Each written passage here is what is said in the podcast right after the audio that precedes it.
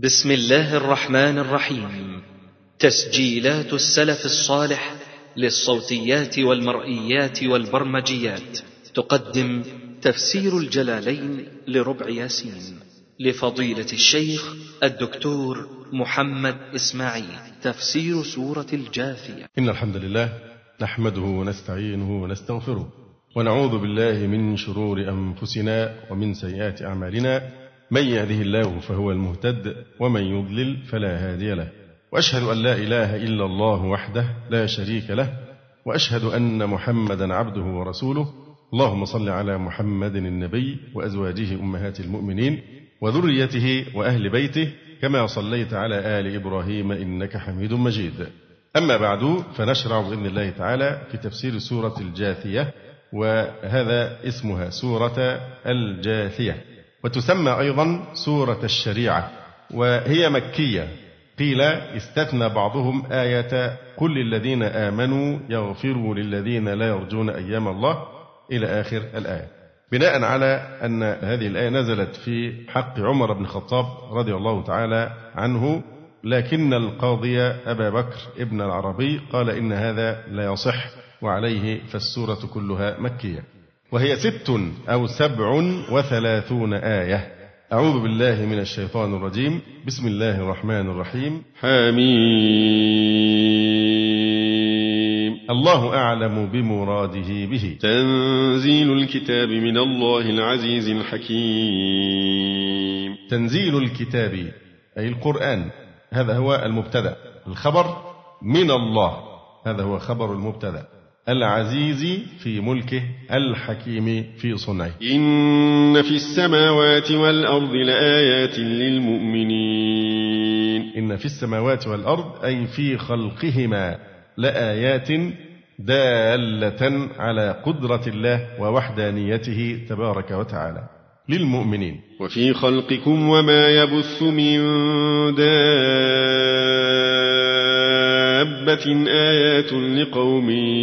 يوقنون ما إعرب في خلقكم خبر مقدم أين مبتدأ آيات لقوم يوقنون فهذه خبر مقدم وفي خلقكم أي في خلق كل منكم من نطفة ثم علقة ثم مضغة إلى أن صار إنسانا وما يبث يعني وفي خلق ما يبث يعني يفرق في الأرض من دابة وهي ما يدب على الأرض من الناس وغيرهم آيات لقوم يوقنون أي يوقنون بالبعث واختلاف الليل والنهار وما أنزل الله من السماء من رزق فأحيا به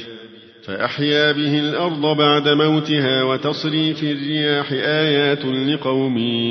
يعقلون واختلاف الليل والنهار تلاحظون هنا في التفسير أنه قال واختلاف قال وفي اختلاف فحذفت في لتقدم ذكرها فالتقدير هنا وفي اختلاف الليل والنهار آيات فهذا هو الحذف ومثاله ما أنشد سيبويه في الحذف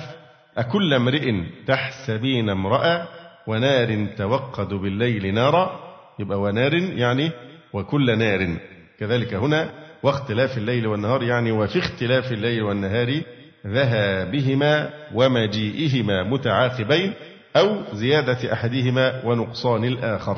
وما أنزل الله من السماء أي السحاب من رزق أي مطر لأنه سبب الرزق فأحيا به الأرض بعد موتها وتصريف الرياح يعني وفي تصريف الرياح تقليبها مرة جنوبا ومرة شمالا باردة وحارة وشديدة ولينة آيات لقوم يعقلون الدليل فيؤمنون تلك آيات الله نتلوها عليك بالحق فبأي حديث بعد الله وآياته يؤمنون تلك آيات الله تلك الآيات المذكورة آيات الله حججه الدالة على وحدانيته نتلوها عليك بالحق نقصها عليك بالحق فبالحق متعلق بنتلو ما أعرب بالحق حال نتلوها عليك بالحق حال أي متلبسة بالحق فبأي حديث بعد الله وآياته يؤمنون هذا استفهام إنكاري معناه النفي يعني أنهم لا يؤمنون فبأي حديث بعد الله أي بعد حديثه وهو القرآن الكريم وآياته أي حججه يؤمنون أي كفار مكة أي لا يؤمنون وفي قراءة بالتاء فبأي حديث بعد الله وآياته تؤمنون ثم يقول تعالى ويل لكل أفاك أثيم ويل كلمة عذاب لكل أفاك كذاب أثيم كثير الإثم يسمع آيات الله تتلى عليه ثم يصر مستكبرا كأن لم يسمعها فبشره بعذاب أليم يسمع آيات الله أي القرآن الكريم ما أعرب جملة يسمع صفة لأفاك أثيم يسمع آيات الله أي القرآن تتلى عليه ثم يصر ثم حرف عطف للترتيب والتراخي ثم يصر على كفره مستكبرا متكبرا عن الإيمان كأن لم يسمعه كأن لم يسمع آيات الله فبشره بعذاب أليم كأن هنا مخففة من الثقيلة من كأن واسمها ضمير الشأن أما خبرها فهو قوله لم يسمعها وجملة كأن لم يسمعها حال ثانية لأن الحال الأول إيه مستكبرا لأنها حال من فاعل إيه يصر كأن لم يسمعها حال ثانية أي يصر حال كونه مثل غير السامع يصر حال كونه مثل غير السامع الذي لم يسمع الآيات أصلا فبشره بعذاب أليم أي مؤلم وإذا علم من آياتنا شيئا اتخذها هزوا أولئك لهم عذاب مهين وإذا علم من آياتنا شيئا اتخذها هزوا وفي قراءة هزءا وإذا علم من آياتنا شيئا اتخذها هزوا وإذا هذه ظرف مستقبل متضمن معنى الشرط وإذا علم من آياتنا ما إعراب جملة علم في محل جر بإضافة الظرف إليها وإذا علم من آياتنا أي القرآن شيئا اتخذها هزوا بالهمز مع ضم الزاي وسكونها يعني هزءا وهزؤا وفي قراءة بضم الزاي وإبدال الهمزة واوا أي مهزوءا به اتخذها هزوا أولئك لهم عذاب مهين أولئك الأف أي الأفاكون لهم عذاب مهين ذو إهانة هنا ملاحظتان الأولى في قوله تعالى أولئك مع أن الكلام فيما مضى كان على الفرد ويل لكل أفاك أثيم يسمع آيات الله تتلى عليه ثم يصر مستكبرا كأن لم يسمع إلى أن قال تعالى أولئك لهم عذاب مهين فأتى هنا بلفظ الإشارة بالجمع أولئك لأنه رد الكلام إلى معنى كل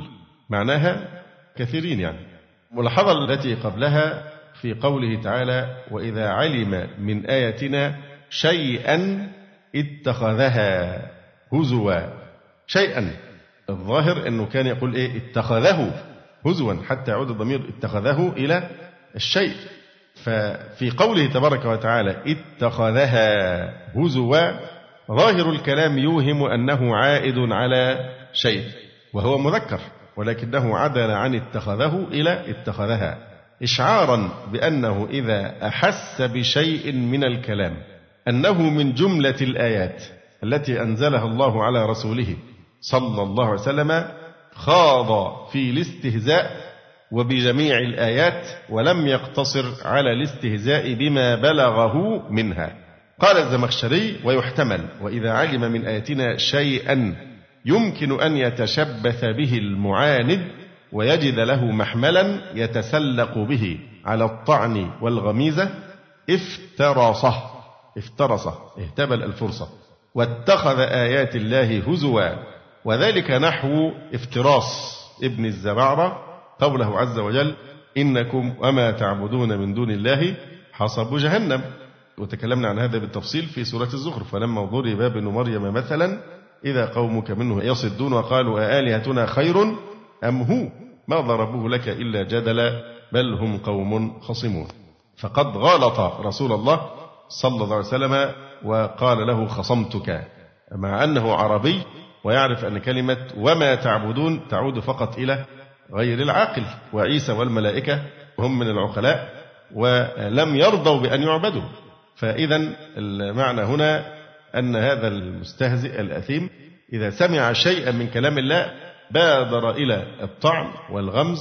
واللمز ولا يقتصر على ما سمعه من الآيات بل يتمادى في ذلك إلى آيات الله التي لم تبلغه ويجوز أن يرجع الضمير إلى شيء يعني كلمة شيء هنا إذا سمع من آياتنا شيئا اتخذها شيئا هنا في معنى الإيه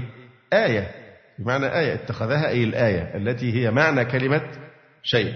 وهذا يكون كقول أبي العتاهية نفسي بشيء من الدنيا معلقة الله والقائم المهدي يكفيها هو لما استعمل كلمة بشيء هنا يشير إلى عتبة وهي جارية فهو يكني بكلمة نفسي بشيء من الدنيا معلقة الله والقائم المهدي يكفيها إني لا أيأس منها ثم يطمعني فيها احتقارك للدنيا وما فيها فكان أبو العتاهية هنا يكني آه، بالشيء عن جارية من حظايا المهدي اسمها عتبة ولذلك أعاد عليه الضمير مؤنثا لأنه قال نفسي بشيء من الدنيا معلقة الله والقائم المهدي يكفيها مع أنها بتعود إلى إيه شيء لكن شيء هنا معناها إيه هذه الجارية لأنه قال في البيت الذي يليه إني لا أيأس منها ثم يطمعني فيها احتقارك للدنيا وما فيها فهنا يمدحه بنهاية الكرم ومعنى البيتين أنه لا يريد من الدنيا غير هذا الشيء والقائم بالأمر يكفيها يعني يكفيني تلك الحاجة أو يكفي نفسي ما تريد روي أنه كتب ذلك في ثوب كتب هذا الشعر في ثوب وأدرجه في برنية وأهداها للمهدي فالمهدي تأثر بهذا المهدي العباسي تأثر بهذا الشعر فأراد أو هم بدفع الجارية إليه فقالت الجارية أتدفعني إلى رجل متكسب فأمر يعني عوضا عن الجارية أمر بملء البرنية مالا ودفعها إليه فقال الخزان هو أمر أن يملأها مالا ويدفعها إليه فالخزان ملأها إيه دراهم فضية فقال للخزان إنما أمر لي بدنانير يعني دنانير ذهبية فقال له الخزان نعطيك دراهم واختلفا فقالت الجارية لو كان عاشقا لما فرق بينهما لو كان فعلا يحبها لما التفت عنها إلى الإيه هذه دراهم أم دنانير وما استطاع أن يفرق هي دراهم أم دنانير الشاهد يعني من الكلام هنا أن الضمير هنا بشيء وبعد ذلك استعمل لفظة ضمير الأنثى نفسي بشيء من الدنيا معلقة الله والقائم المهدي يكفيها إني لأيأس منها ثم يطمعني فيها احتقارك للدنيا وما فيها أولئك لهم عذاب مهين أي أولئك الأفاكون كما ذكرنا ذكر هنا بالجمع لأنه رد الكلام إلى معنى كل كل أفاك كل طبعا دي صيغة إيه عموم مهين أي ذو إهانة وإذا علم من آياتنا شيئا اتخذها هزوا أولئك لهم عذاب مهين من ورائهم جهنم ولا يغني عنهم ما كسبوا شيئا ولا ما اتخذوا من دون الله أولياء ولهم عذاب عظيم من ورائهم جهنم ما إعراب من ورائهم خبر مقدم ها شبه جملة في محل رفع خبر مقدم من ورائهم جهنم طيب ما معنى من ورائهم أمامهم هذا هو المعنى آه، الصحيح فمن ورائهم جهنم ما الذي ألجأنا إلى تفسيرها بأمامهم لأنهم الآن في الدنيا الآن هم في الدنيا من ورائهم جهنم يعني أمامهم في المستقبل جهنم والوراء اسم للجهة التي يواريها الشخص من خلف أو قدام قال لبيد أليس ورائي إن تراخت منيتي أدب مع الولدان أزحف كالنسر أليس ورائي أن تراخت منيتي يعني ماذا أنتظر في المستقبل أمامي أليس ورائي فيما يأتي إذا تراخت منيتي يعني إذا مد الله في عمري ورددت إلى أرذل العمر أليس ورائي إن تراخت منيتي أدب مع الولدان أزحف كالنسر أدب يعني أمشي بتؤدة وطبعا هنا لابد أن نقدر قبل هذا الفعل أن المصدرية قبله لأنه اسم ليس أليس ورائي ما أنت تلاقي ليس بعدها على طول شبه الجملة يبقى تدور على إيه الاسم يكون مؤخرا يبقى الظرف الجملة من غير ما تفكر يعني الظرف أو الجار والمجرور أدم جه في الأول بعد ليس أو أي شيء من أخوات آه، كان بيكون إيه؟ خبر مقدم يبقى تدور بعد كده فين الاسم بقى بيكون مؤخر فالاسم هنا فين؟ أدبه هل يصح أن أدب تكون اسم؟ يبقى لازم عشان تكون اسم نحط قبلها إيه؟ أن أدب فيقدر أن المصدرية قبله لأنه اسم ليس مع الولدان أزحف أزحف دي بدل من أدب كالنسر من يأتي بشاهد من القرآن بل شاهدين على استعمال وراء بمعنى أمام شاهدين اللي ما يعرفش الاثنين ما يقولش في سورة إبراهيم ها واستفتحوا وخاب كل جبار عنيد من ورائه من أمامه في المستقبل من ورائه جهنم ويسقى من ماء صديد يعني وراء هنا بمعنى أمام أيضا في قوله تعالى وكان وراءهم ملك يأخذ كل سفينة غصبا قرأها ابن عباس وكان أمامهم ملك هذه قراءة تفسيرية أيضا منه قول لبيد في بيت آخر أليس ورائي إن تراخت منيتي لزوم العصا تحنى عليها الأصابع وقال آخر أترجو بنو مروان سمعي وطاعتي وقومي تميم والفلاة ورائي يعني أمامي قال آخر ومن ورائك يوم أنت بالغه لا حاضر معجز عنه ولا بادي ومن ورائك يوم في المستقبل أمامك يوم أنت بالغه لا حاضر معجز عنه ولا بادي من ورائهم جهنم أي أمامهم هنا نلاحظ أن هناك توسعا في استعمال لفظة الوراء حتى استعمل لفظ الوراء في كل غيب ومنه المستقبل أي أمامهم لأنهم الآن في الدنيا من ورائهم جهنم ولا يغني عنهم ما كسبوا من المال والفعال شيئا ما نوع ما يصلح أن تكون موصولة ويصلح أن تكون إيه مصدرية إن كانت موصولة فهي فاعل ولا يغني عنهم ما كسبوا الذي كسبوا شيئا ولا هذا عطف على ما كسبوا ولا ما اتخذوا من دون الله وأيضا ما هنا يحتمل فيها أن تكون مصدرية أو موصولة ولا ما اتخذوا من دون الله أي الأصنام أولياء طيب إيه إعراب أولياء أين الأول أحسنت الأول الضمير محذوف اللي هو إيه ولا ما اتخذوه ما اتخذوه فالمفعول به الأول محذوف يبقى ولا ما اتخذوا من دون الله أولياء فأولياء مفعول اتخذوا الثاني الأول محذوف تقدير إيه؟ اتخذوه ولهم عذاب عظيم أي دائم مؤلم هذا هدى والذين كفروا بآيات ربهم لهم عذاب من رجز أليم هذا هدى هذا كلام مستأنف مسوق لبيان هداية القرآن العظيم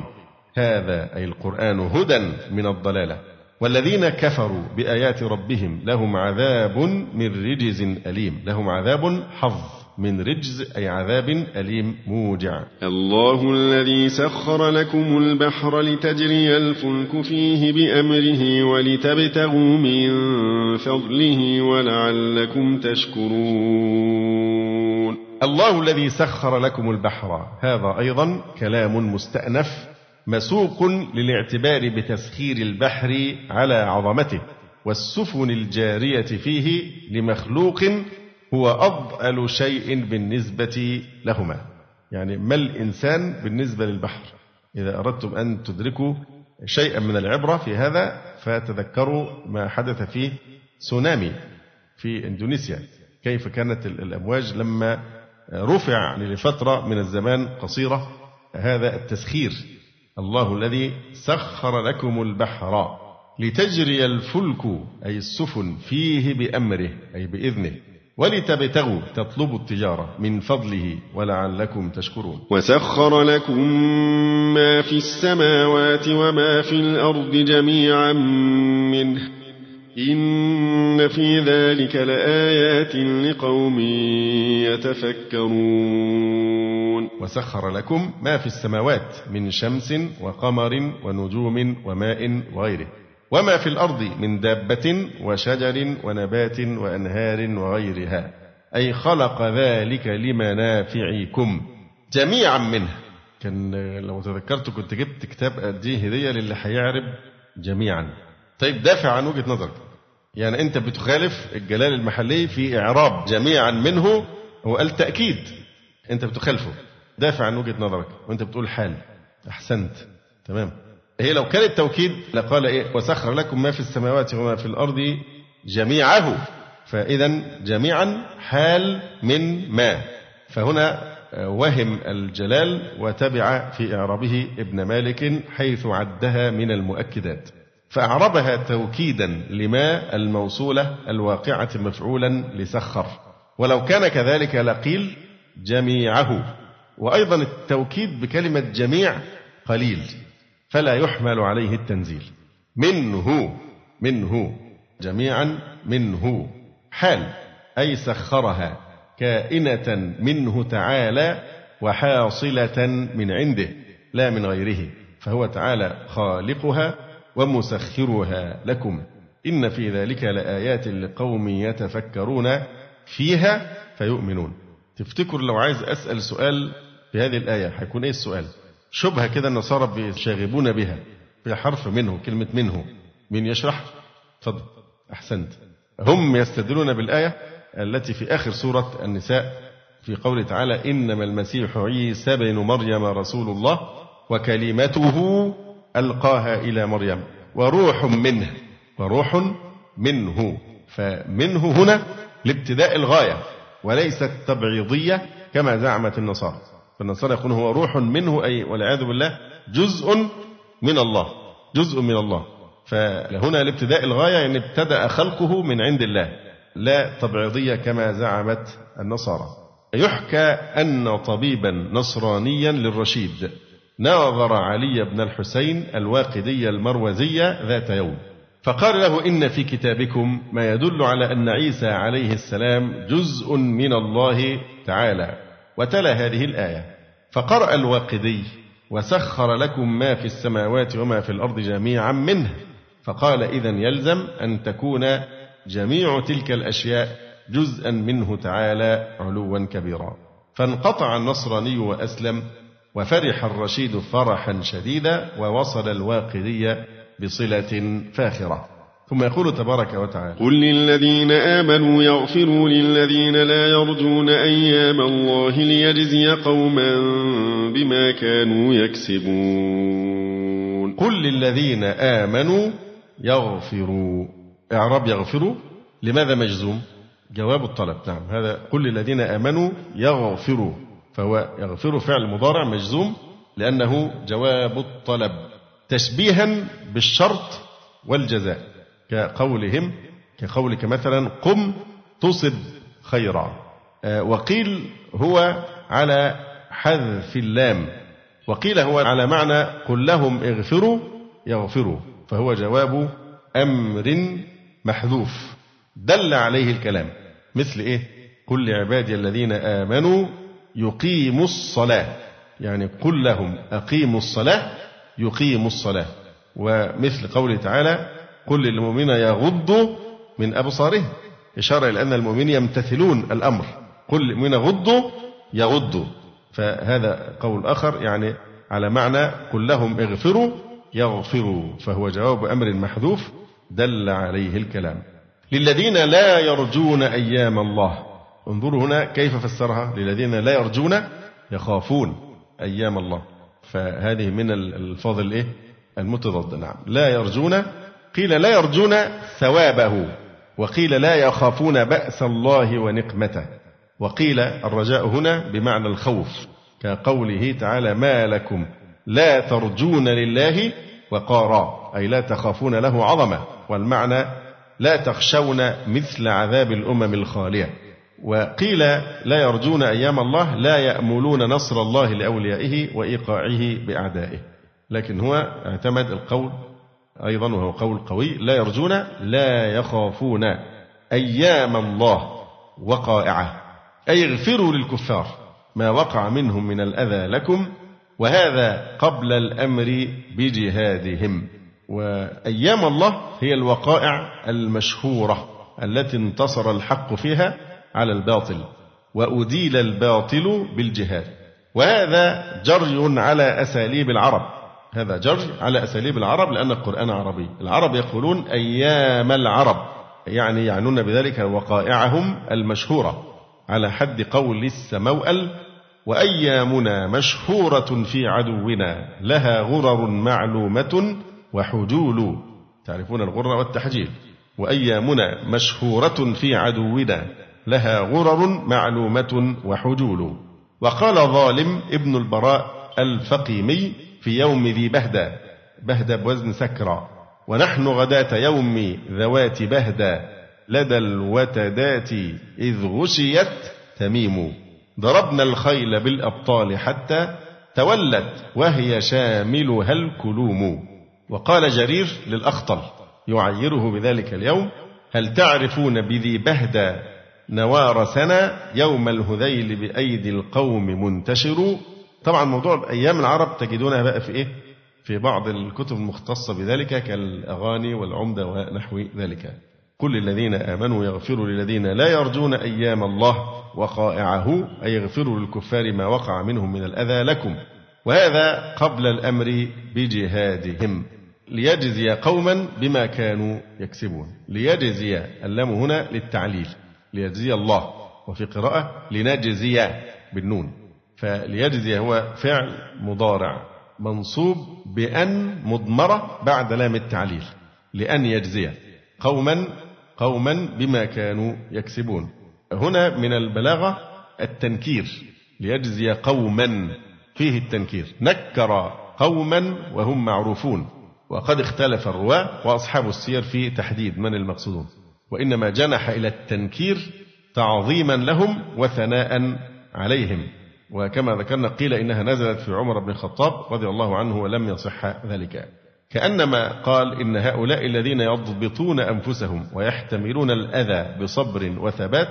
هم قوم وأي قوم وهذا أيضا ينتظم في باب التجريد وقد تكلمنا عنه من قبل بما كانوا يكسبون بما يمكن ما أن تكون هنا موصولة ويمكن أن تكون مصدرية بما كانوا يكسبون أي من الغفر للكفار أذاهم أي فيثيبهم وهم المؤمنون أو ليجزي الكافرين على أذاهم للمؤمنين ثم قال تعالى من عمل صالحا فلنفسه ومن أساء فعليها ثم إلى ربكم ترجعون يقول من عمل صالحا فلنفسه أي فلنفسه عمل ومن أساء فعليها أساء ثم إلى ربكم ترجعون تصيرون فيجازي المصلح والمسيء ثم يقول تعالى ولقد آتينا بني إسرائيل الكتاب والحكم والنبوة ورزقناهم من الطيبات وفضلناهم على العالمين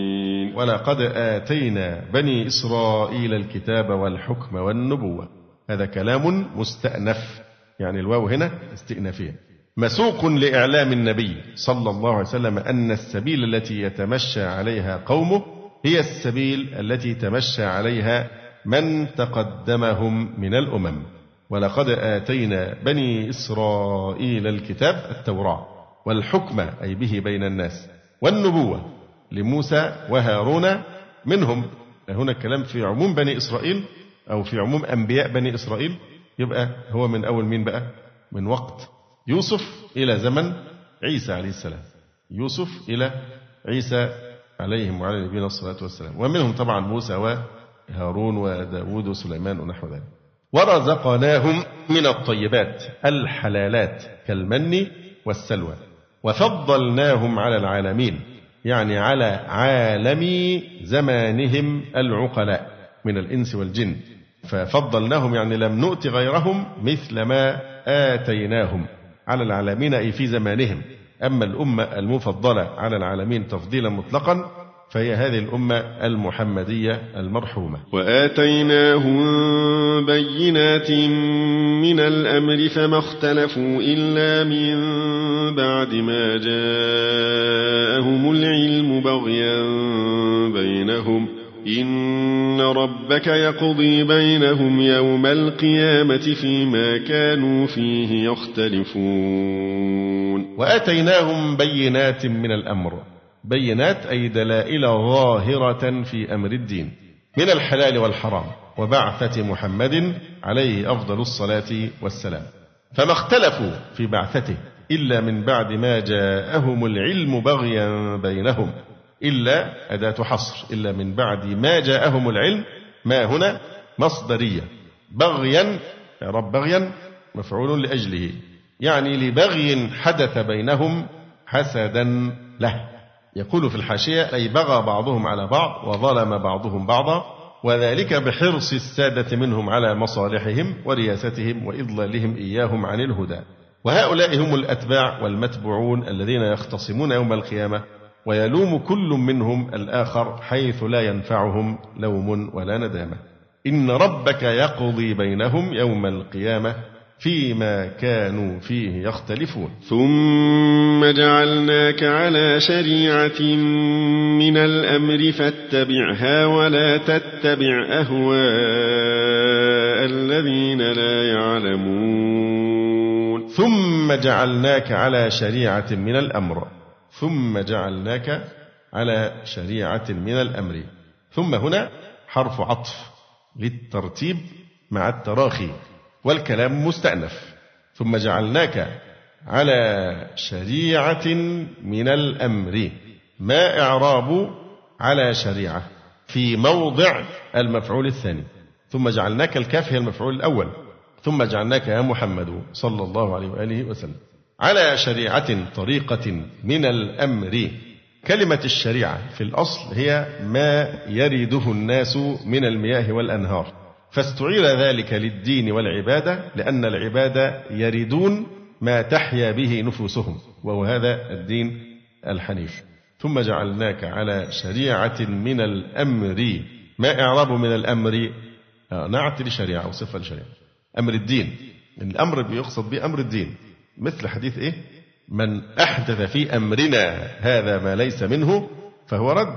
أمرنا أي ديننا ثم جعلناك على شريعة من الأمر المقصود أمر الدين فاتبعها ولا تتبع أهواء الذين لا يعلمون هذا أيضا من الأدلة على أن الوحي يقابله الهوى الوحي في مقابلة الهوى دائما آه، يأتي هذا التعبير آه، يا داود إنا جعلناك خليفة في الأرض فاحكم بين الناس بالحق ولا تتبع الهوى وما ينطق عن الهوى إن هو إلا وحي يوحى هذا تجدونه كثيرا في القرآن الكريم الهوى في مقابلة الوحي كما هنا ثم جعلناك على شريعة من الأمر وهذا هو الوحي فاتبعها ولا تتبع أهواء الذين لا يعلمون في عبادة غير الله وهذا أمر ونهي لكل مسلم أمر باتباع شريعة الإسلام ونهي عن اتباع أهواء الذين لا يعلمون لا شك أننا في مثل هذه الأزمان الآن أحوج ما نكون إلى التزام هذه الآية الكريمة فاتبعها ولا تتبع أهواء الذين لا يعلمون الآن زلزال حتى لأساسيات الدين أساسيات العقيدة حتى الانتماء للإسلام أصبح مسألة يصبح الرجل مؤمنا ويمسي كافرا ويمسي مؤمنا ويصبح كافرا فنسأل الله العافية فلا بد أن ننظر إلى كل ما يخالف شريعة الإسلام وكل ما يتعارض مع الوحي الشريف إلى أنه داخل تحت قوله تعالى أهواء الذين لا يعلمون التي أمرنا الله سبحانه وتعالى أن نجتنبها ونهانا عن اتباعها فاتبعها ولا تتبع أهواء الذين لا يعلمون صارت حتى أساسيات العقيدة موضع إيه زلزال ومن الناس من يجاهر بأن يقول أن الإسلام دين الدولة الرسمي دي مادة المفروض أن تلغى من الدستور إلى إلى غير ذلك من هذه الطمات ويعلنون عن الحرج الذي في صدورهم من شرع الله سبحانه وتعالى ومن الإسلام ونحو ذلك حتى اللي يتكلم يجيب التدين كده يعني إيه كلمة الدين دايما في موضع الاتهام ولازم بيجي سيرة الدين يأخذ وضع المحامي الفاشل الذي يدافع عن متهم فهذا الانطباع الذي يحصل الآن وده إن شاء الله نرجو أن نوضحه فيما بعد لكن عموما نحن أحوج ما نكون بسبب كثرة الضلالات الآن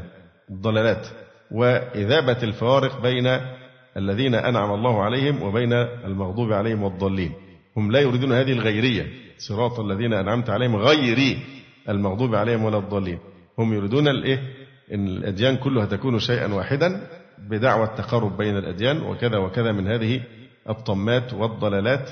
التي لا يبقى مع الإنسان إذا اعتنقها شيء من الإسلام أصلا لأنه يسوي بين الإيمان والكفر وبين الحق والباطل وأيضا كأنهم لا يعتقدون بأن شريعة الإسلام نسخت كل الأديان فاتبعها ولا تتبع أهواء الذين لا يعلمون إنهم لن يغنوا عنك من الله شيئا وإن الظالمين بعضهم أولياء بعض والله ولي المتقين إنهم لن يغنوا عنك من الله شيئا إنهم لن يغنوا لن يدفعوا عنك من الله أي من عذاب الله شيئا وإن الظالمين الكافرين بعضهم أولياء بعض والله ولي المتقين أي المؤمنين جملة إنهم لن يغنوا هل لها محل من الإعراب؟ ليس لها محل من الإعراب لأنها جملة تعليلية للنهي عن اتباع أهوائه يعني ولا تتبع أهواء الذين لا يعلمون لماذا؟ لأنهم لن يغنوا عنك من الله لن يدفعوا عنك من عذاب الله شيئا وإن الظالمين الكافرين بعضهم أولياء بعض الله ولي المتقين أي المؤمنين هذا بصائر للناس وهدى ورحمة لقوم يوقنون هذا بصائر للناس هذا أي القرآن بصائر للناس نلاحظ أن هذا مفرد والخبر إيه جمع بصائر للناس فجمع الخبر باعتبار ما ينطوي عليه المبتدأ وهو القرآن الكريم من آيات ودلائل واضحات هذا بصائر للناس معالم يتبصرون بها في الأحكام والحدود وهدى ورحمة لقوم يوقنون أي بالبعث ثم يقول تعالى أم حسب الذين اجترحوا السيئات أن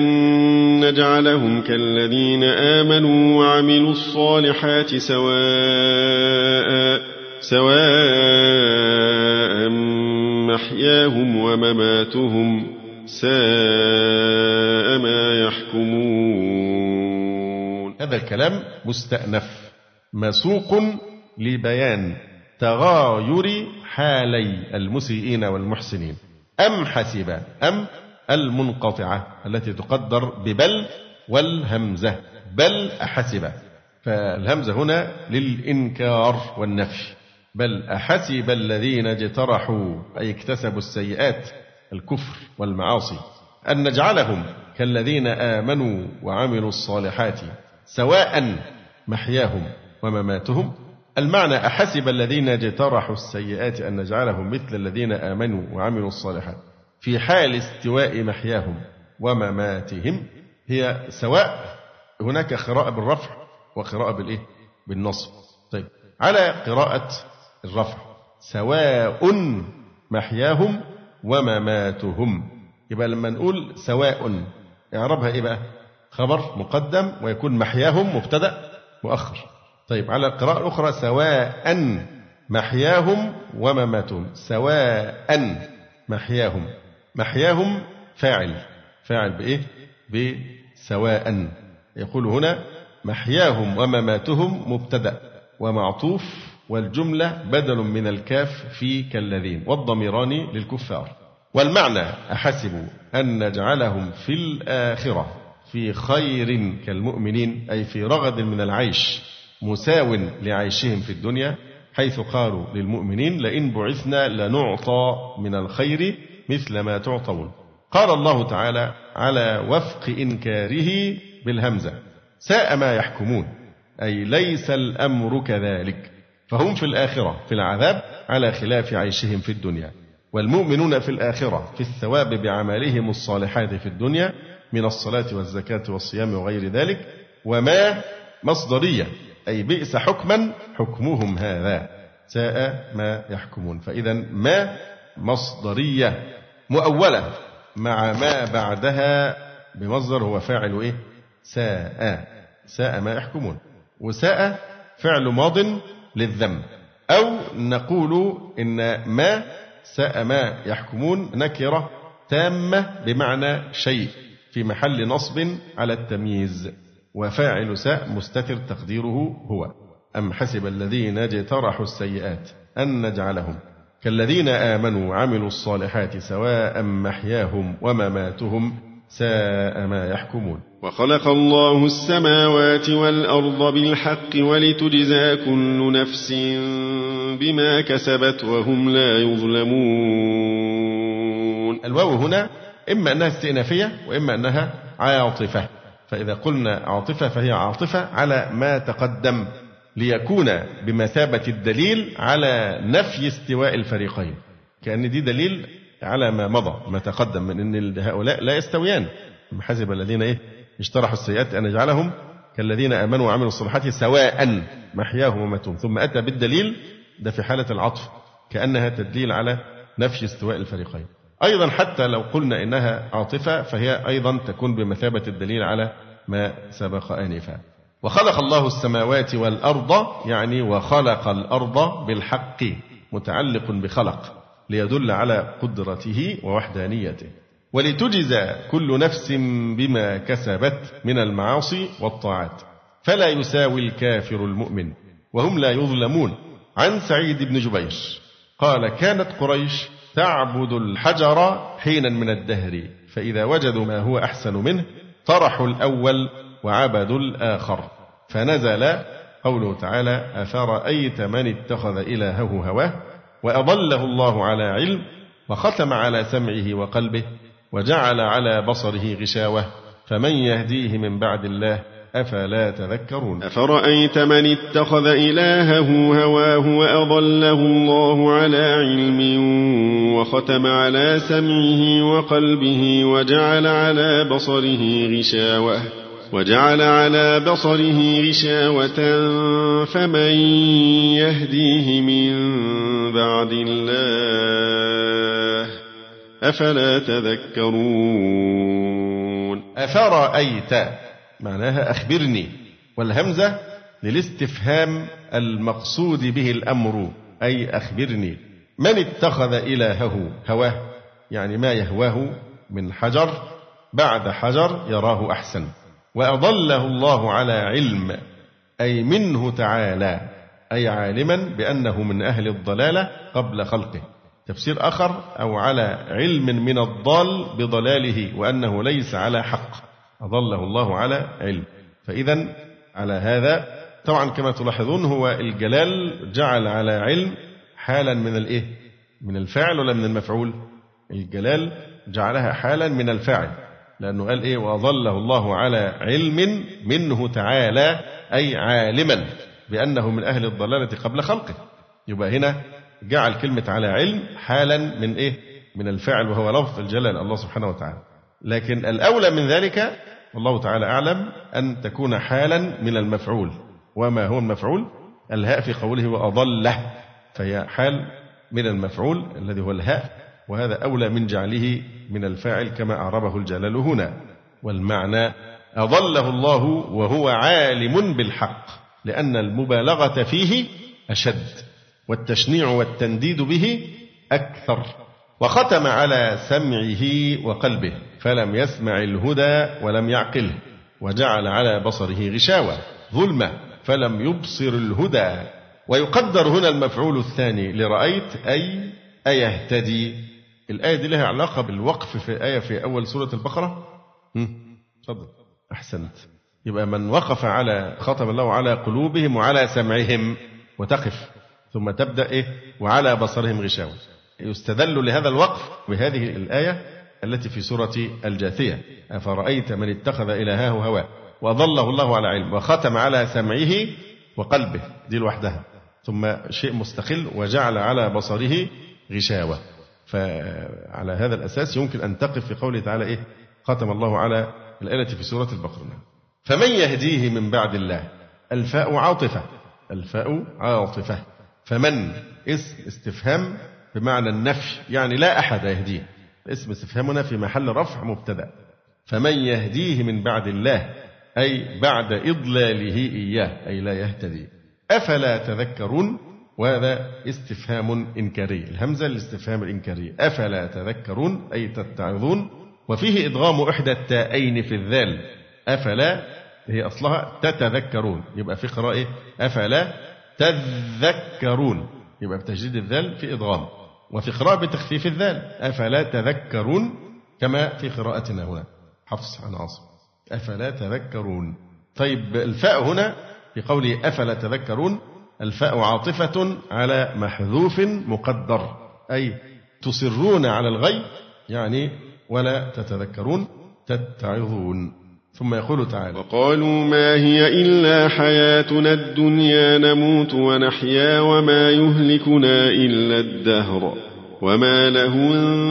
بذلك من علم إن هم إلا يظنون وقالوا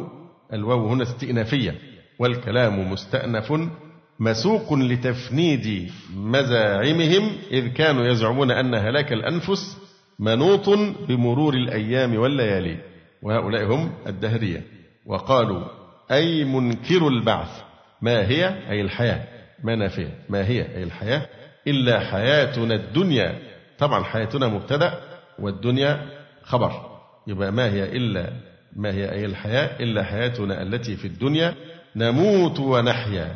نموت ونحيا هذا كلام مستأنف مسوق لإيراد المزيد من عقائدهم الفاسدة يبقى هنا وقالوا ما هي إلا حياتنا الدنيا أرحام تدفع وأرض تبلع ثم استأنف الكلام وأضاف شيئا جديدا من عقائدهم الفاسدة نموت ونحيا أي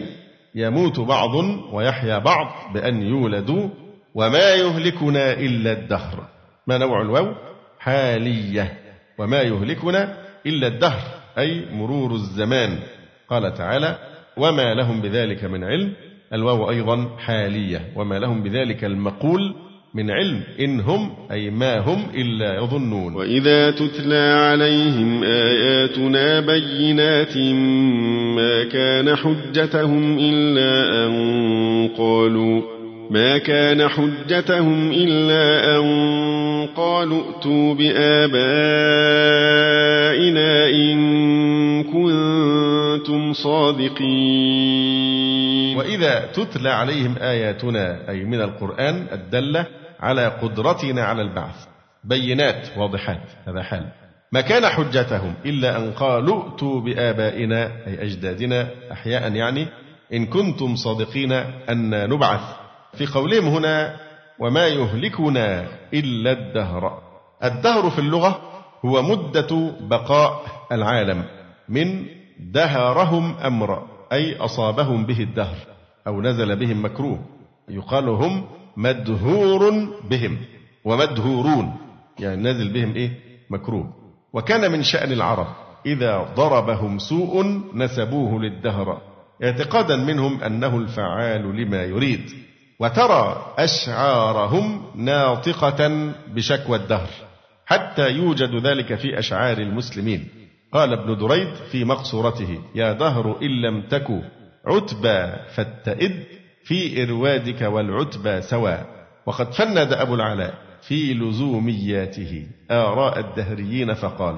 ودان أناس بالجزاء وكونه وقال رجال إنما أنتم بقل ودان أناس بالجزاء وكونه ناس آمنوا بالجزاء والبعث والنشور وقال رجال إنما أنتم بقل بقل يعني زي الايه؟ الزرع او النبات. وهذا رد على الدهريين الذين يقولون ان العالم قديم بالطبع. كلام الالحادي الذي يلقن للطلبه بدون اي طعن مع مصادمته للعقيده. الماده لا ايه؟ لا تفنى ولا تستحدث ولا تخلق من عدم. هو ذا كلام الدهريين الذين يقولون بقدم العالم لكن قطعا هذا العالم حادث وكان بعد أن لم يكن خلق الله سبحانه وتعالى فهؤلاء هم الدهريون الذين يقولون أن العالم قديم بالطبع لم يزل كذلك ولم يحدث بإخراج محدث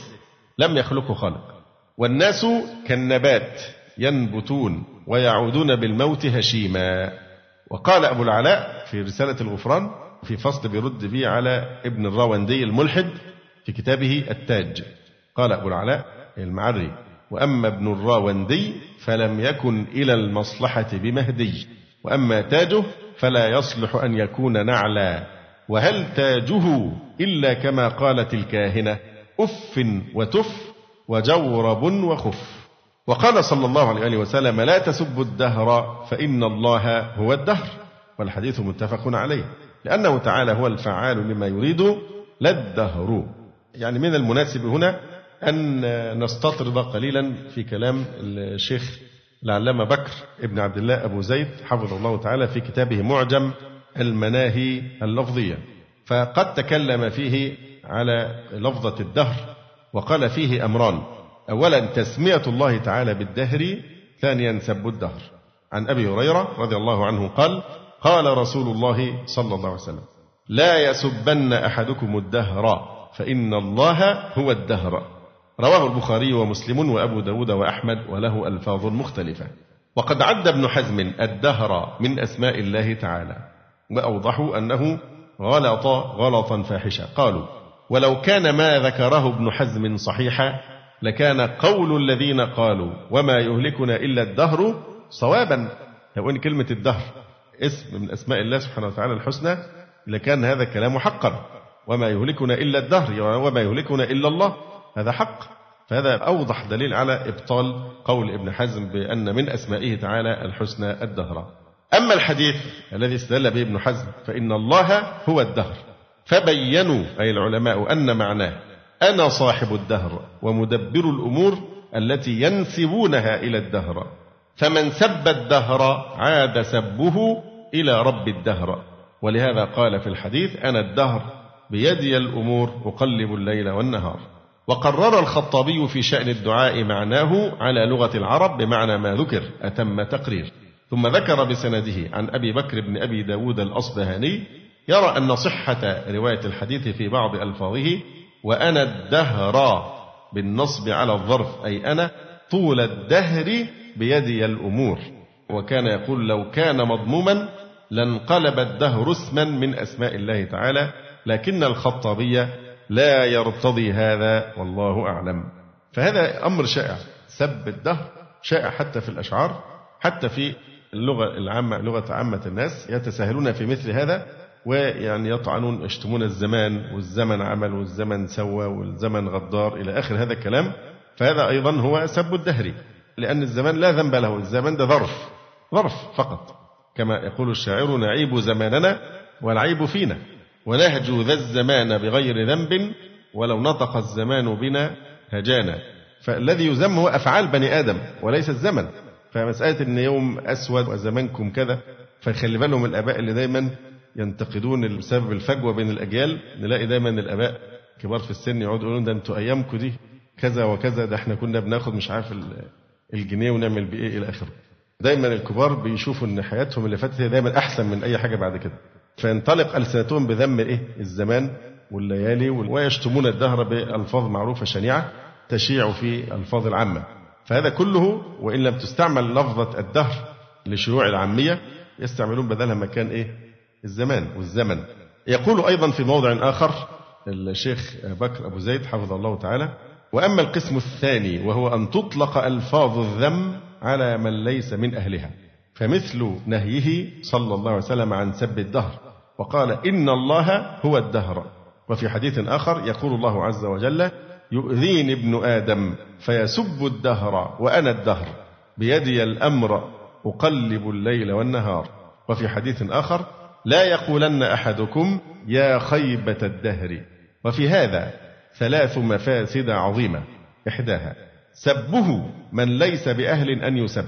يعني سب الدهر أو سب الزمان أنت تسب من لا يستحق أن يسب فإن الدهر خلق مسخر ويمكن لأجل هذا الله سبحانه وتعالى أقسم بأجزاء من الزمان فقال والعصر وقال والضحى والليل إذا سجى والفجر وليال عشر وهكذا والعصر ففي القرآن الكريم كثير والصبح إذا تنفس فنجد إقساما بالزمن إيماء إلى شرف الوقت والزمن والدهر هو ظرف ما له أي ذنب إنما الذي يذم هو أعمال بني آدم ففي سب الدهر مفاسد عظيمة إحداها سبه من ليس بأهل أن يسب فإن الدهر خلق مسخر من خلق الله منقاد لأمره مذلل لتسخيره فسابه أولى بالذم والسب منه الثانية أن سبه متضمن للشرك فإنه إنما سبه لظنه أنه يضر وينفع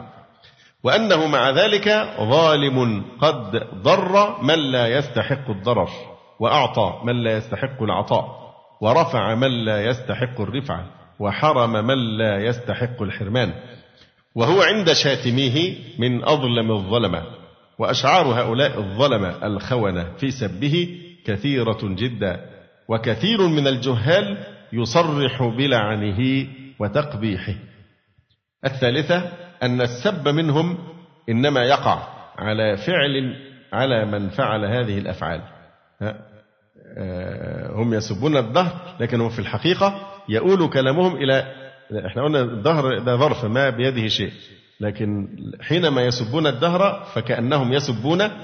الله سبحانه وتعالى ولذلك قال إيه يؤذيني ابن آدم يسب الدهر وأنا الدهر فالذم هنا أو السب إنما يقع على من فعل هذه الأفعال التي لو اتبع الحق فيها أهواءهم لفسدت السماوات والأرض وإذا وقعت أهواؤهم حمدوا الدهر وأثنوا عليه وفي حقيقة الأمر فرب الدهر تعالى هو المعطي المانع الخافض الرافع المعز المذل والدهر ليس له من الأمر شيء فمسبتهم للدهر مسبة لله عز وجل ولهذا كانت مؤذية للرب تبارك وتعالى كما في الصحيحين من حديث أبي هريرة رضي الله عنه عن النبي صلى الله عليه وسلم قال قال الله تعالى يؤذيني ابن آدم يسب الدهر وأنا الدهر فساب الدهر دائر بين أمرين لا بد له من أحدهما إما سبه لله أو الشرك به فإنه إذا اعتقد أن الدهر فاعل مع الله فهو مشرك وإن اعتقد أن الله وحده هو الذي فعل ذلك وهو يسب من فعله فقد سب الله تبارك وتعالى ومن هذا قوله صلى الله عليه وسلم لا يقولن أحدكم تعس الشيطان فإنه يتعاظم حتى يكون مثل البيت فيقول بقوتي صرعته ولكن ليقل بسم الله فإنه يتصاغر حتى يكون مثل الذباب آه على الأحوال دي إشارة عابرة آه بعض الأمور المتعلقة بلفظة آه، الدهر فقالوا ما هي إلا حياتنا الدنيا ثم استأنفوا الكلام لإيراد المزيد من عقائدهم الفاسدة يعني إن هي إلا حياتنا الدنيا ما في إيه بعث ولا نشور نموت ونحيا نموت ويحيا يعني يموت بعض بعض ويحيا بعض بأن يولدوا كما قلنا أرض تبلع وأرحام تدفع نموت ونحيا وما يهلكنا إلا الدهر والحال أنه لا يهلكنا إلا مرور الزمان قال تعالى وما لهم بذلك المقول من علم إنهم يعني ما هم إلا يظنون وإذا تتلى عليهم آياتنا من القرآن الدالة على قدرتنا على البعث بينات واضحات هذا حال ما كان حجتهم إلا أن قالوا ائتوا بآبائنا أحياء إن كنتم صادقين أن نبعث قل الله يحييكم ثم يميتكم ثم يجمعكم إلى يوم القيامة لا ريب فيه ولكن أكثر الناس لا يعلمون قل الله يحييكم حين كنتم نطفا ثم يميتكم ثم حرف عطف للترتيب مع التراخي للإشارة إلى المدة الفاصلة بين الحياة والموت قل الله يحييكم حين كنتم نطفا ثم يميتكم ثم يجمعكم أحياء إلى يوم القيامة لا ريب فيه لا هنا نافية للجنس لا ريب لا شك فيه ولكن أكثر الناس لا يعلمون والواو هنا حالية أكثر الناس وهم القائلون ما ذكر لا يعلمون قل الله يحييكم ثم يميتكم ثم يجمعكم إلى يوم القيامة لا ريب فيه ولكن أكثر الناس لا يعلمون قل الله يحييكم حين كنتم نطفا ثم يميتكم ثم حرف عطف للترتيب مع التراخي للإشارة إلى المدة الفاصلة بين الحياة والموت قل الله يحييكم حين كنتم نطفا ثم يميتكم ثم يجمعكم أحياء إلى يوم القيامة لا ريب فيه لا هنا نافية للجنس لا ريب لا شك فيه ولكن أكثر الناس لا يعلمون والواو هنا حالية أكثر الناس وهم القائلون ما ذكر لا يعلمون وهذا مما ينبغي أن نلفت نظر هؤلاء المعرضين عن الدين وعن الالتزام وعن طاعة الله سبحانه وتعالى وعن الإيمان بأنها يعني هذه الأمور حقائق هذه من جملة حقائق الوجود سوف تقع شئت أم أبيت فسوف تموت حين يشاء الله وسوف تبعث حين يشاء الله سبحانه وتعالى وتحاسب فليست قضية كما يظن المعرضون عن الدين والصدون عن سبيل الله تبارك وتعالى ان قضية الدين اختيار شخصي دي قضية اختيار المفروض أن ما تدخل أبدا في علاقات الناس بعضهم ببعض وإنما تخضع للمزاج الشخصي زي ده بيحب فاكهة معينة ولا يحب النوع الآخر وده بيحب طعام من نوع معين ده ما بيحبش فقضية الدين يدندن الملحدون حول أنها قضية شخصية لا ينبغي أن تتدخل إطلاقا في علاقات الناس بعضهم ببعض فهذا من الضلال المبين وأقوى رد عليه كي تلفته إلى خطورة هذا المنهج المهلك أنك شئت ما بيت سوف تحاسب فتعامل مع هذه الأمور على أنها حقيقة لأنها حقيقة بالفعل والأدلة على ذلك يعني متكاثرة فالقضية ليست قضية شخصية وإنما هي حساب لكنك الآن في المهلة الناس نيام فإذا ماتوا انتبهوا لكن حيث لا ينفع الندم ولا حين مناص فهذا المعنى مهم جدا في إيقاظ مثل هؤلاء الغافلين إدراك أنها حقائق بالتعامل مع أنها حقائق بالأدلة قل الله يحييكم ثم يميتكم ثم يجمعكم أحياء إلى يوم القيامة لا ريب فيه ولكن أكثر الناس لا يعلمون ثم استأنف بقوله ولله ملك السماوات والأرض ويوم تقوم الساعة يومئذ يخسر المبطلون هذا كلام مستأنف مسوق لتعميم القدرة بعد تخصيصها بالإحياء والإماتة والجمع قل لا يحييكم ثم يميتكم ثم يجمعكم إلى يوم القيامة لا ريب فيه استأنف الكلام ليعمم القدرة بعد أن خصصها لأن معنى المالك ولله ملك السماوات والأرض المالك هو الذي يتصرف بما يملك كما يشاء فهذا تعميم للقدرة بعد تخصيصها بالإحياء والإماتة والجمع ولله ملك السماوات والأرض ويوم تقوم الساعة يبدل منه يومئذ يخسر المبطلون الكافرون أي يظهر خسرانهم بأن يصيروا إلى النار ما نوع التنوين في قوله يومئذ عوض عن جملة جملة يوم تقوم الساعة وترى كل أمة جافية كل أمة تدعى إلى كتابها اليوم كل أمة تدعى إلى كتابها اليوم تجزون ما كنتم تعملون وترى كل أمة جاثية الواو عاطفة وترى كل أمة أي كل أهل دين جاثية على الركب أو جاثية بمعنى مجتمعة ما أعرب جاثية حال إذا ما نوع الرؤية بصرية وترى كل أمة جاثية ترى هنا بصرية وترى كل أمة جاثية حال لأن الراجح هنا أن الرؤية بصرية جاثية هو هنا قال على الركب أو مجتمعة لأن كلمة جاثية لها عدة معاني جاثية بمعنى مستوفزة والمستوفز هو الذي لا يصيب الأرض منه إلا ركبته وأطراف أنامله وذلك عند الحساب أيضا تأتي بمعنى جاثية يعني مجتمعة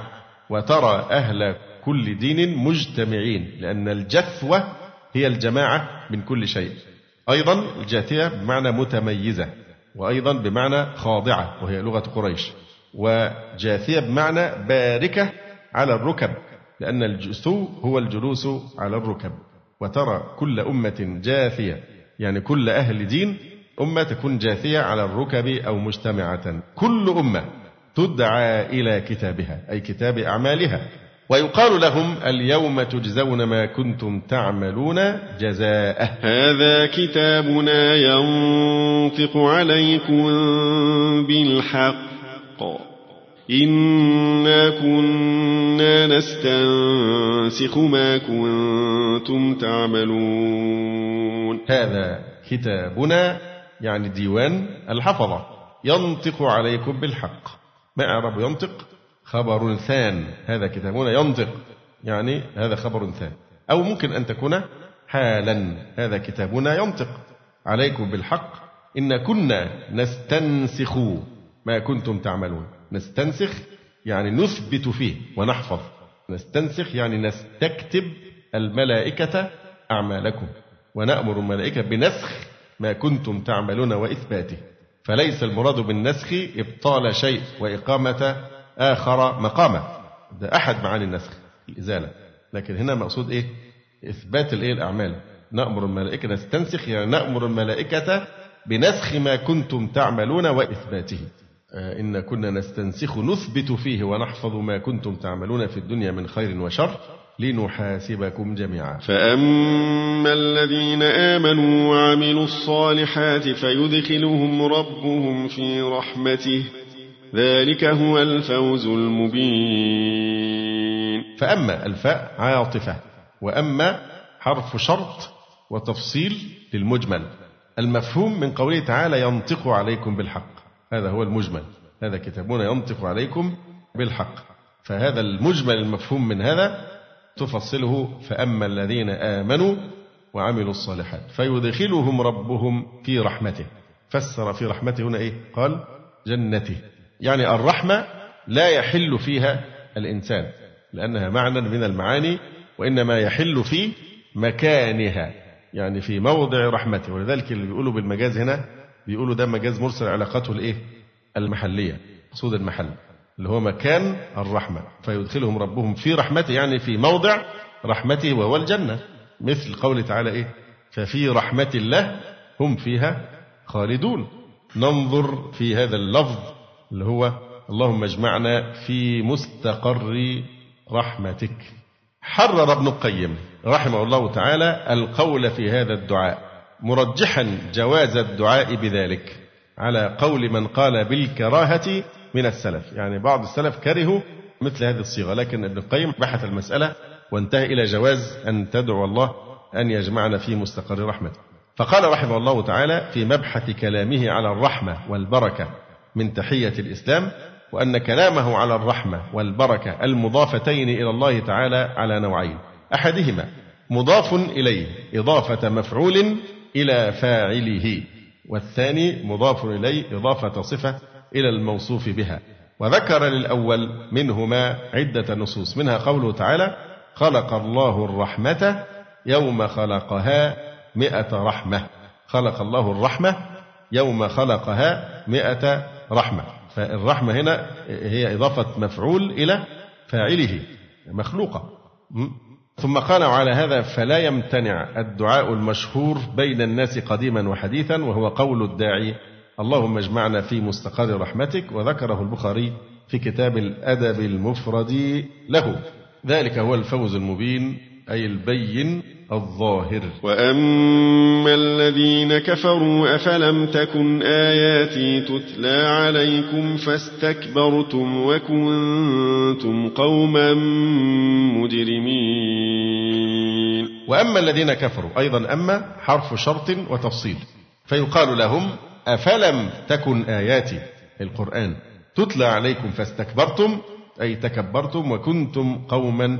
مجرمين كافرين يعني فادخلوا النار جزاء كفركم وتكبركم قوله تعالى هنا أفلم تكن آياتي أفلم الهمزة هنا للاستفهام والفاء عاطفة على الجواب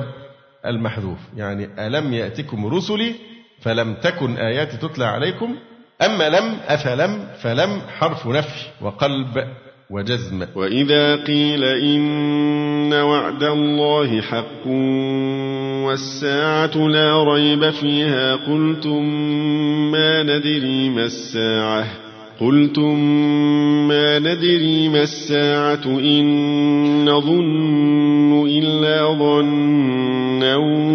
وما نحن بمستيقنين وإذا قيل الواو عاطفة على ما سبق لأنه من جملة ما يقال لهم استطراد واستمرار للمقول هذا من جملة ما يقال لهم وإذا قيل لكم أيها الكفار إن وعد الله حق أي بالبعث والساعة لا ريب فيها هنا قراءتان بالرفع وبالنصب والساعة لا ريب فيها يبقى الساعة تكون إيه مبتدأ أما إذا قلنا والساعة لا ريب فيها يبقى إيه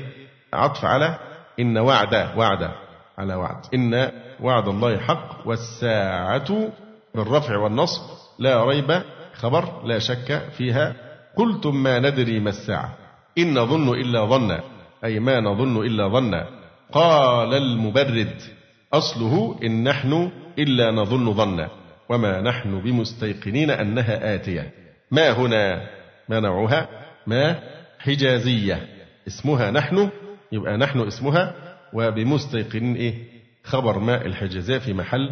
نصب أو الباء زائدة بمستيقنين أنها آتية هنا في الحقيقة هو أشار كما تلاحظون الجلال بيختصر جدا يعني الكلام كما قلنا هو بيكون عبارة عن خلاصة بحث يعني كل كلمة في موضعها بغاية الدقة إن نظن إلا ظنا إن بمعنى ما نظن إلا ظنا هذا التركيب إن نظن إلا ظنا من المشكلات التي دندن المعربون والمفسرون حولها لأن المصدر المؤكد لا يجوز أن يقع استثناء مفرغا فلا يقال ما ضربت إلا ضربا لعدم الفائدة لكونه بمنزلة أن يقال ما ضربت إلا ضربت ومن المقرر عند النحويين أنه يجوز تفريغ العامل لما بعده من جميع المعمولات إلا المفعول المطلق فلا يقال ما ظننت إلا ظنا لاتحاد مورد النفي والإثبات وهو الظن والحصر إنما يتصور حين تغاير مورديهما فلذلك أجاب العلماء عن هذا الإشكال فقال المبرد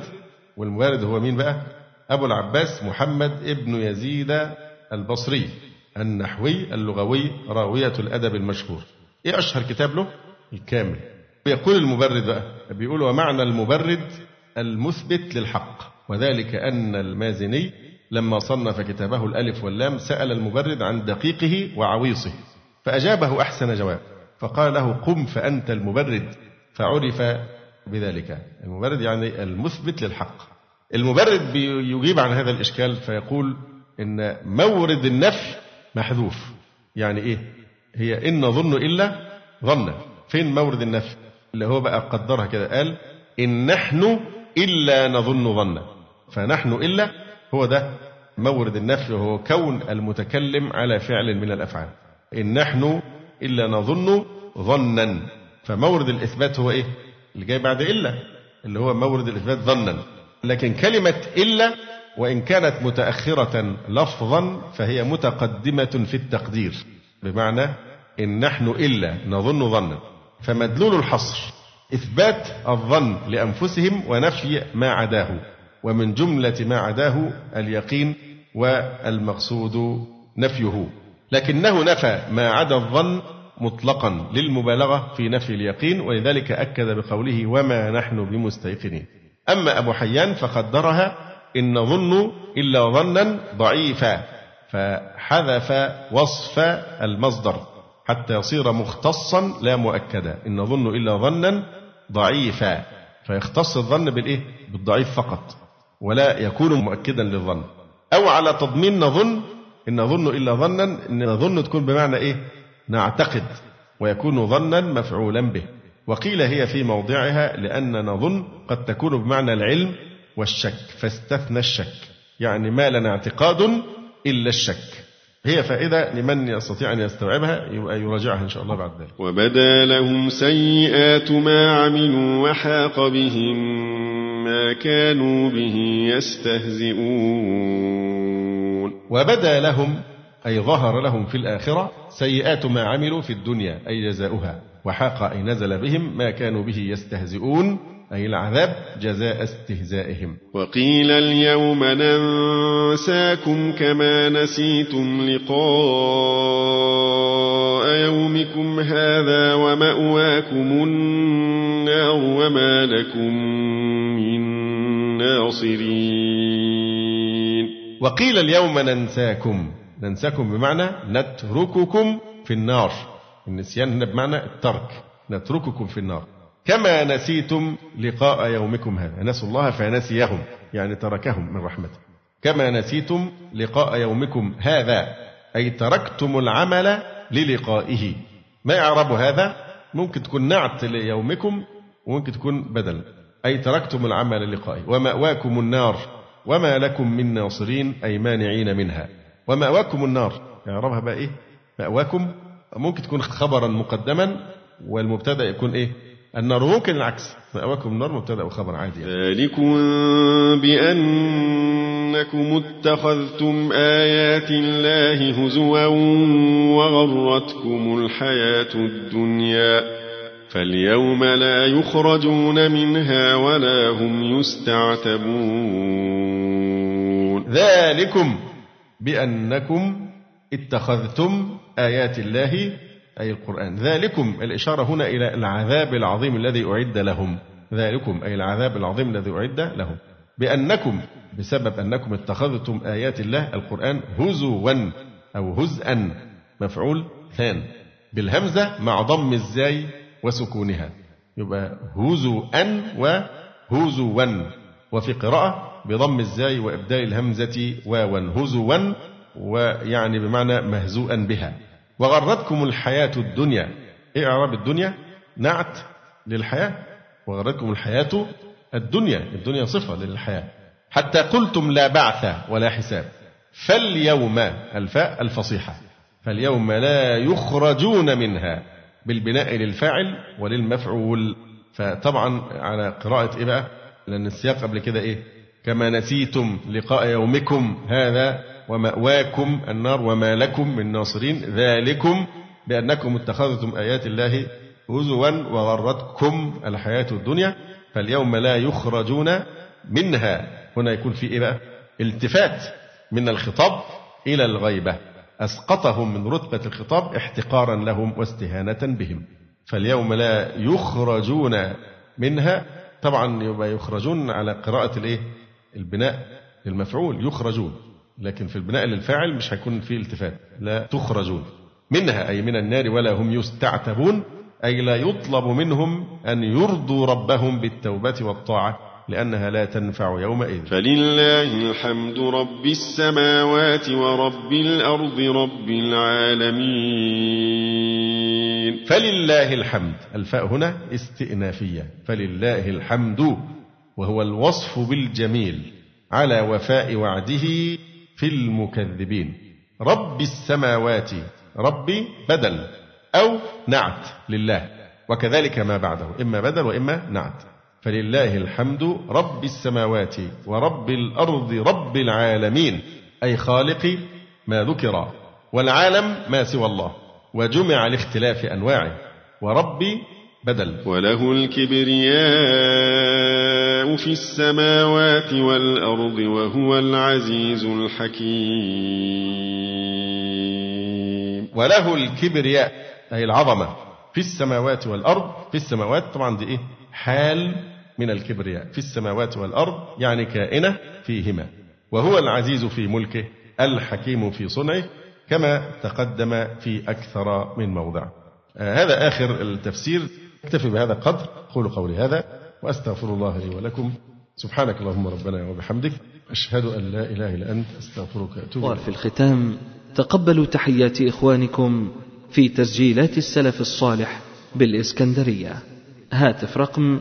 صفر ثلاثة فاصل أربعة تسعة أربعة سبعة ستة خمسة اثنان وتليفون محمول صفر عشرة واحد ستة أربعة واحد تسعة ثمانية صفر والسلام عليكم ورحمة الله وبركاته